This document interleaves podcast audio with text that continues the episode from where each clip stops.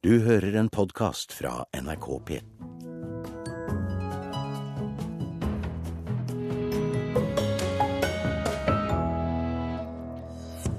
Kulturnytt har flere saker i dag. Organisasjonen Islam Nett risikerer utestenging fra Høgskolen i Oslo og Akershus. Spellemannpris-publikum føler seg lurt etter at de betalte full pris, men fikk se bare deler av showet lørdag. Og på Løten kan det bli skummelt på restaurant i påsken. Gud hjelpe meg, hva var det? Så uhyre forferdelig å miste ham på den måten. Tre retter, tre skuespillere og tre mord. Ja, Velkommen til Kulturnytt denne mandagsmorgenen. Vi starter med Høgskolen i Oslo og Akershus. For organisasjonen Islam Nett kan, kan risikere å ikke bli studentorganisasjon ved høgskolen.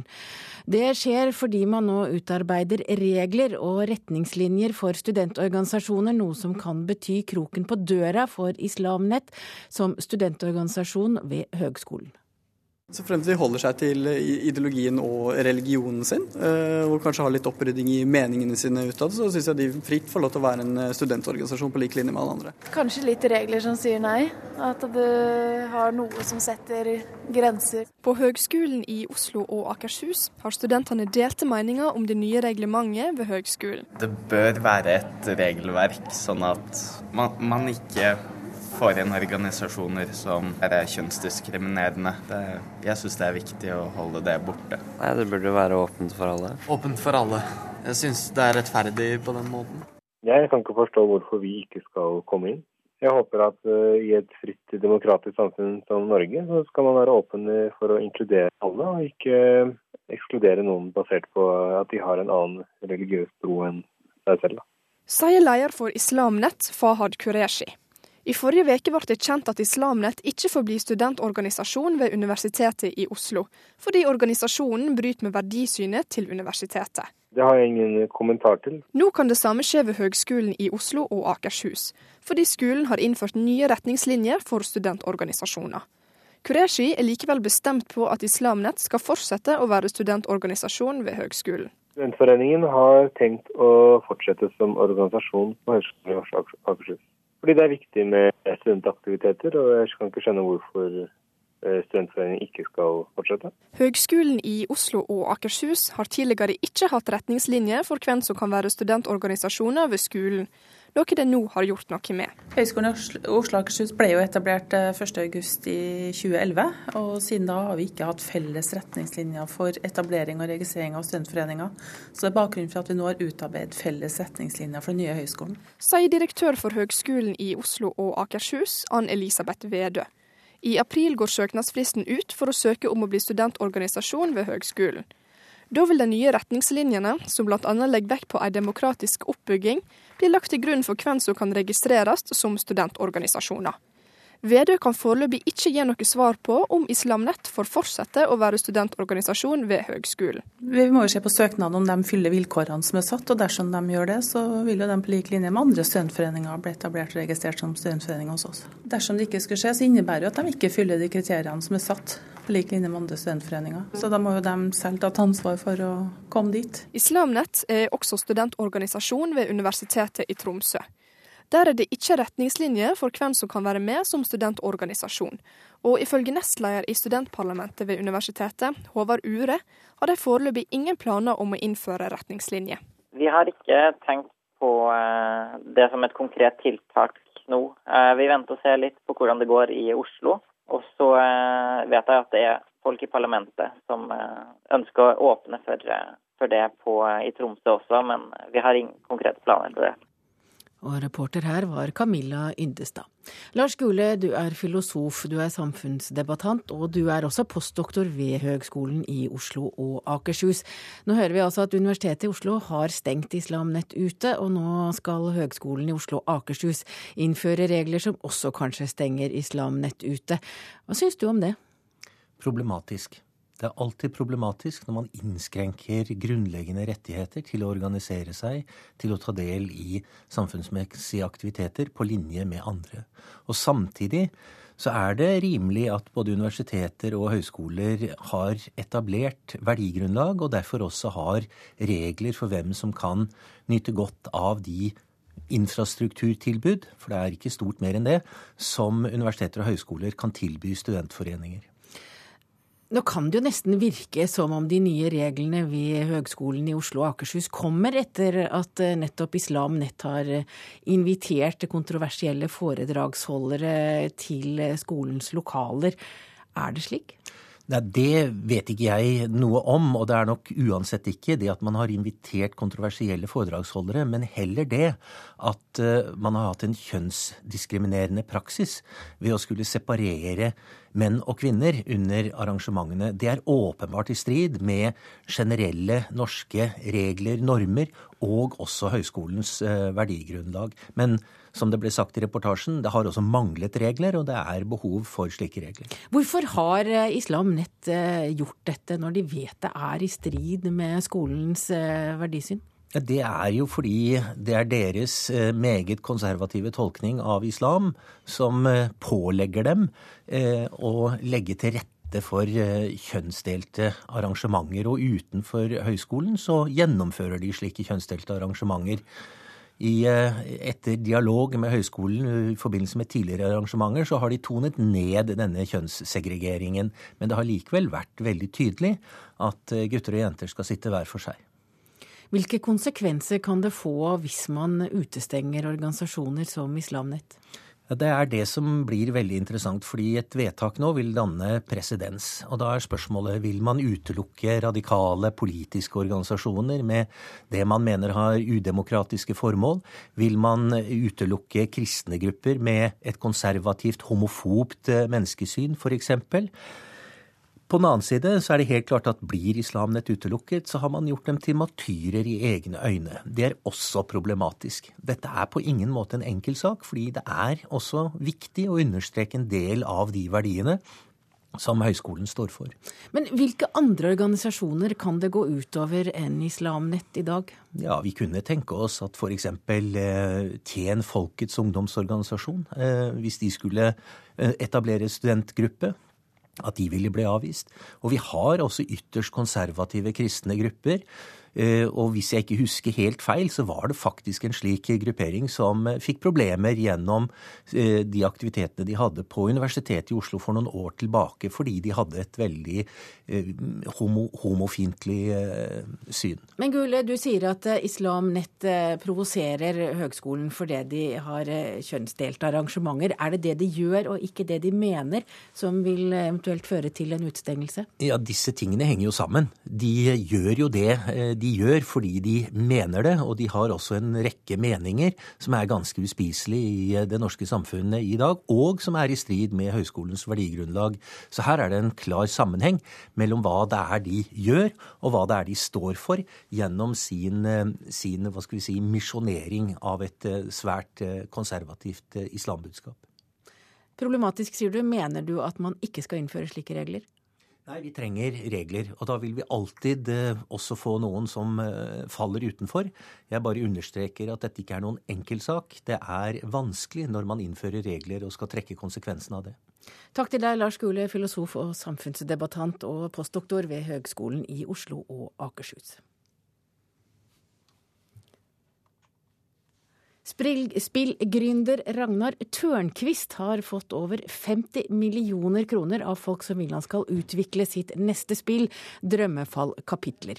De tre som har gitt mest får bl.a. ti kopier av spillet når det er ferdig, navnet sitt i åpningsteksten og invitasjon til lanseringsfest i Oslo. Andre investorer får lov til å prøvespille før resten av verden og egne samleutgaver i posten. Drømmefall kapitler skal være ferdig i november 2014. 2014, skriver Dagens Næringsliv. Så skal månens bilde komme tilbake. Dette var en tradisjon fra 1960 til midten av 1980-tallet, og da presenterte Unge Kunstneres Samfunn hver måned et nytt verk utenfor Stortinget. Nå gjenopptar de tradisjonen, men denne gangen på Jernbanetorget foran Oslo sentralstasjon. Første kunstner ut er Anders Dahl Monsen, som lager kunst av latskap. Han protesterer mot dagens rotterace. Det skriver avisen Vårt Land.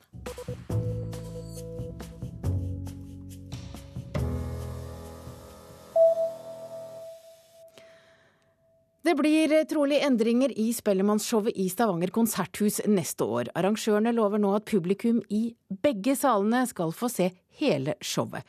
Mange som satt i orkestersalen på lørdag følte seg snytt. De hadde betalt 500 kroner for billetten, men de store musikknumrene skjedde i den andre salen. Det var litt skuffende. Vi satt i feil sal, så det var jo ikke der det skjedde. Så det var nesten så vi kunne vært hjemme og sett akkurat det samme på fjernsynet. Vi hadde kanskje gleda oss til Mikael Paskalev og Kaizers spesielt. Så uh, det var litt kjipt. Kaizers Orkestra! Prisen går til Tønes. Sakki. Her er Kaizers Orkestra i all sin prakt. Vær så god! Det var veldig kjekt. Eh, vi satt inn i Settlivssalen. Veldig bra. Hva var høydepunktet? Det må jo være Kaizers. Vi fikk alle rockerne på vår sal, så det er vi veldig fornøyd med. Det var kjempefint. Det var skikkelig bra. Kaiser var helt kanon. Kaizers og brorparten av artistene som opptrådte på Spellemannprisen lørdag, gjorde det i den såkalte Zetlitz-salen i Stavanger konserthus. I Blackboxen, som er spesialbygget for forsterka musikk, foregikk også de aller fleste prisutdelingene. Dermed ble publikum i den andre salen et slags B-lag, selv om også de hadde betalt over 500 kroner for billettene. Som Ingvild og Tone Rasmussen. Det var ikke noe spesiell info på forhånd om at det skulle være en todelt eh, sending med så lite Det var helt greit hvis vi hadde fått beskjed om at det var sånn det skulle være. Men skjønte jo det med en gang vi gikk inn i salen og så at her var det rigga til klassisk musikk. Og da, ja ja. Da falt jo forhåpningen ganske raskt. Det var jo ikke akkurat følelsen av å være på konsert, så det var ganske skuffende.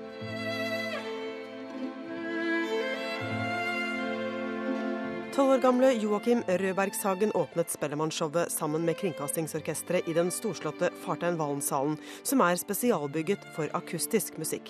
Der satt også ordfører og styreleder i Konserthuset, Kristine Sagen Helgø. Eh, det var kanskje litt rolig til tider i Fartein Valen, og det er jeg helt sikker på det er sånn som arrangørene vil se på. Men ellers så fungerte det jo veldig bra, for vi fikk jo med oss absolutt alt av det som skjedde i, i Zetlitz. Eh, men det var mer action kanskje i Zetlitz enn det det var i Fartein Valen. Kjeda du deg da litt underveis? Nei, absolutt ikke. Jeg kjeda meg overhodet ikke. Og ansvarlig produsent for TV-sendingen, Dag Varing i Dynamo, lover bot og bedring neste år. Spellemannprisen skal deles ut i Stavanger i minst tre år framover.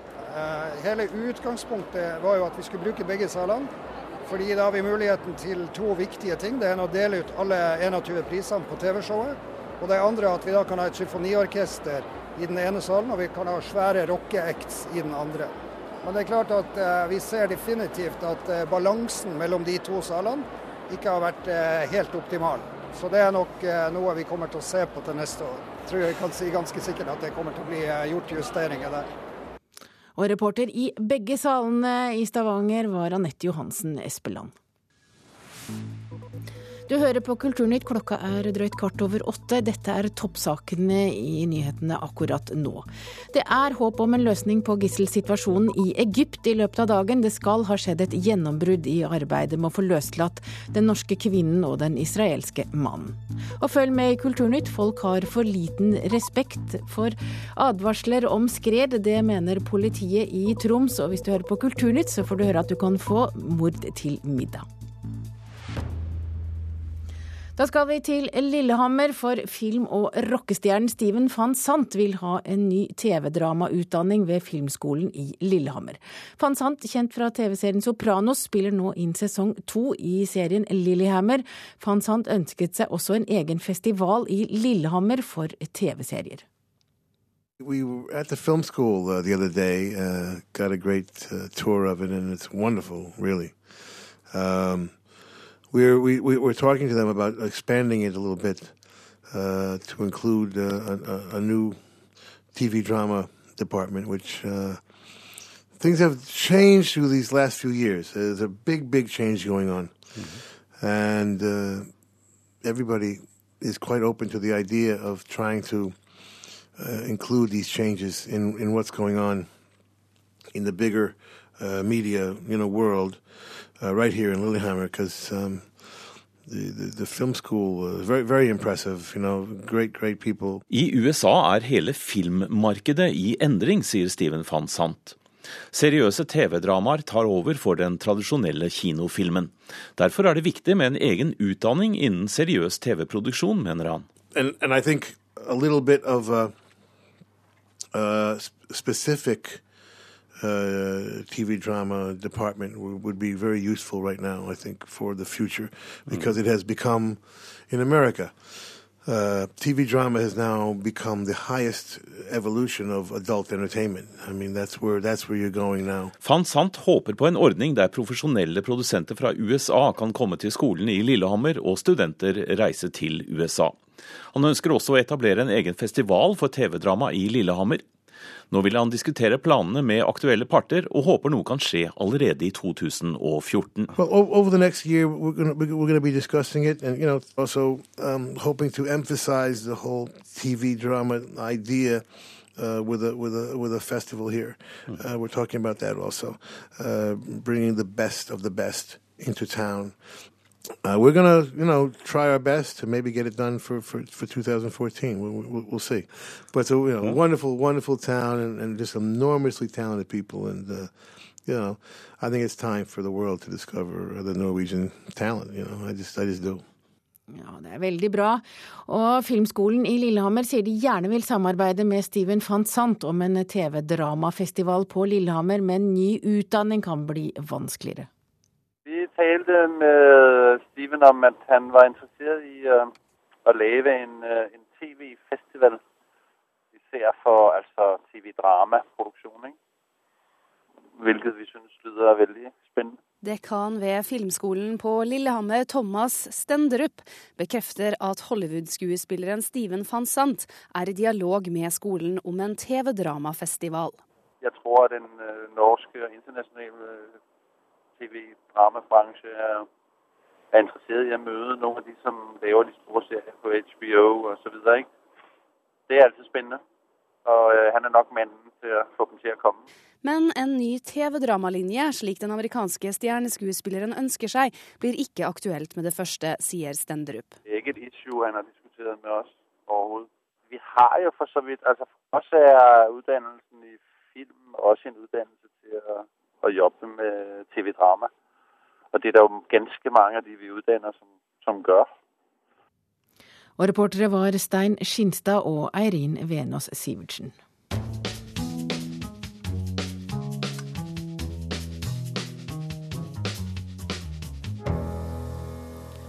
Stian Holes billedbøker om Garman er nærmest blitt moderne klassikere. Nå har han levert et nytt kunstverk med boken Annas himmel, sier vår anmelder Anne Katrine Straume.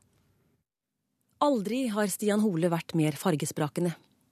Aldri har fantasien fått slippe så til de grader løs, selv om trådene inn til den konkrete hverdagen hele tiden strekkes gjennom illustrasjonene. Og aldri har teksten vært knappere. Hole overlater mer og mer til oss som betrakter. Han utfordrer forestillingsevnen hos store og små, og viser omveier inn i de vidunderligste erkjennelser. Stian Hole slo gjennom med et smell både her i Norge og i det helt store utland med sin første bok om Garmann. Det mest iøynefallende var utprøvingen med kollasjer og datamanipulering, den gjennomførte kombinasjonen av tegninger og fotografi som tvinger leseren til å se detaljer, utsnitt og helhet på en ny og frisk måte. Bilder og tekst underbygger hverandre, for er det ikke nettopp det barnlige blikket, evnen til å ta omverdenen inn som for første gang, og kunne filosofere fritt, som er Holes tema? I Annas himmel er det sorgen vi møter. Ikke få barnebokforfattere og illustratører har beskrevet sorg og savn tidligere. Er det mulig å gå nye kunstneriske veier? Jeg mener Stian Hole får det fint til. Uten at det nevnes direkte, skjønner vi at Annas mamma er død.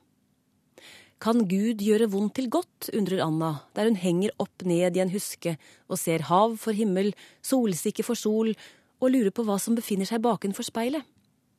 Gjennom hele teksten utforsker Stian Hole denne tanken om opp ned, virkelig og uvirkelig, nært og fjernt, kjent og ukjent.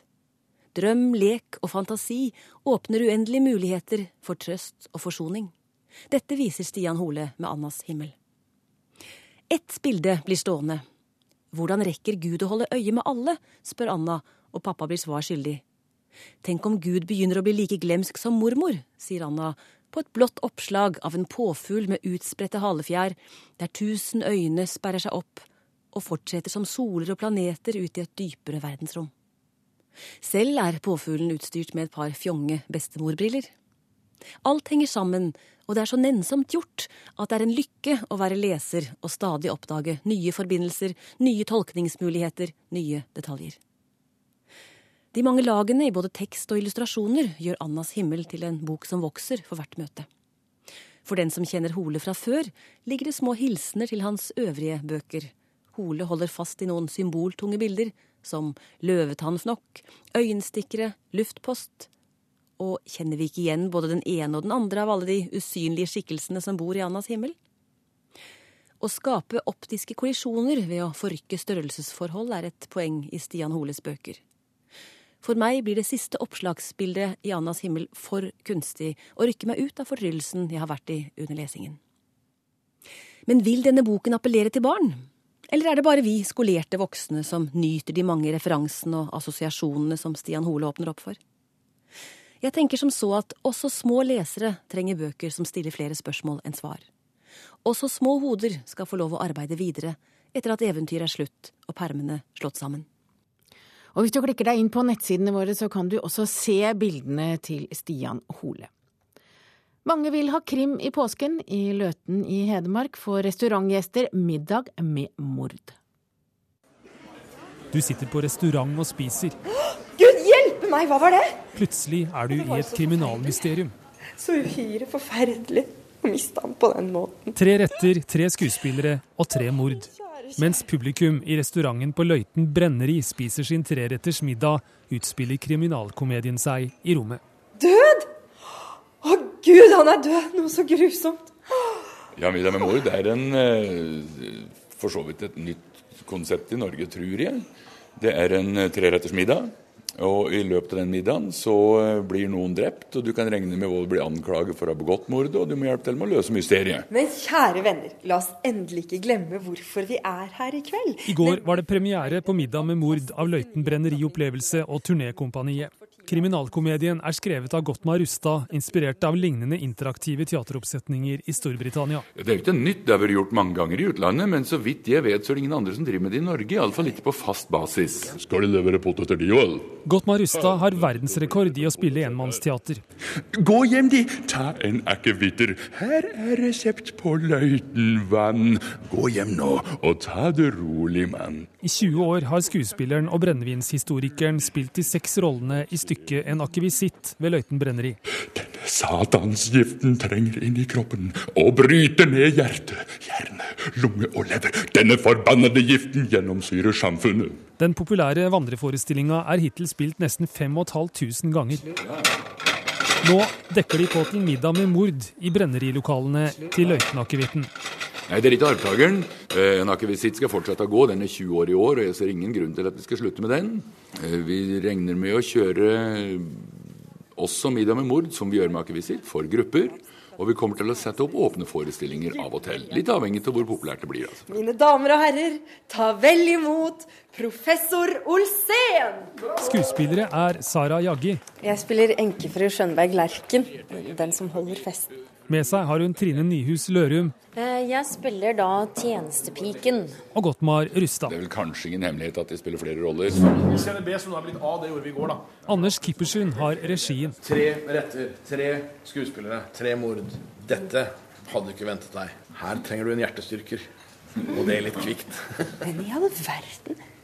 Det er liksom som jeg har sett dem før, jeg også, men er noe som ikke stemmer. I forestillinga blir publikum involvert i jakten på morderen. Til å prøve å fatte hva som har skjedd. Jeg mener det er logisk, men, eh, men jeg tror ikke de klarer det. Men det kan bli spennende å se. Gottmar Rustad håper det nye konseptet Middag med mord skal slå an. Så gjøre det helt annerledes, det er det viktigste. Og på toppen av det være spennende. Ja, hva er dette der?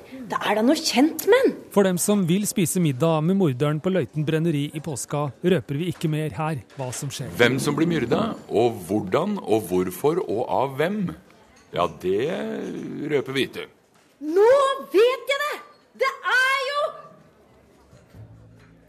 Ja, og det var reporter Stein Næss Eide som overlevde treretters middag med mord på Løten. Denne sendinga fra Kulturnytt er over. Teknisk ansvarlig var Hanne Lunås, produsent Birger Kolsrud Jåsund, og jeg heter Hege Holm. Nå fortsetter Nyhetsmorgen. Du har hørt en podkast fra NRK P2.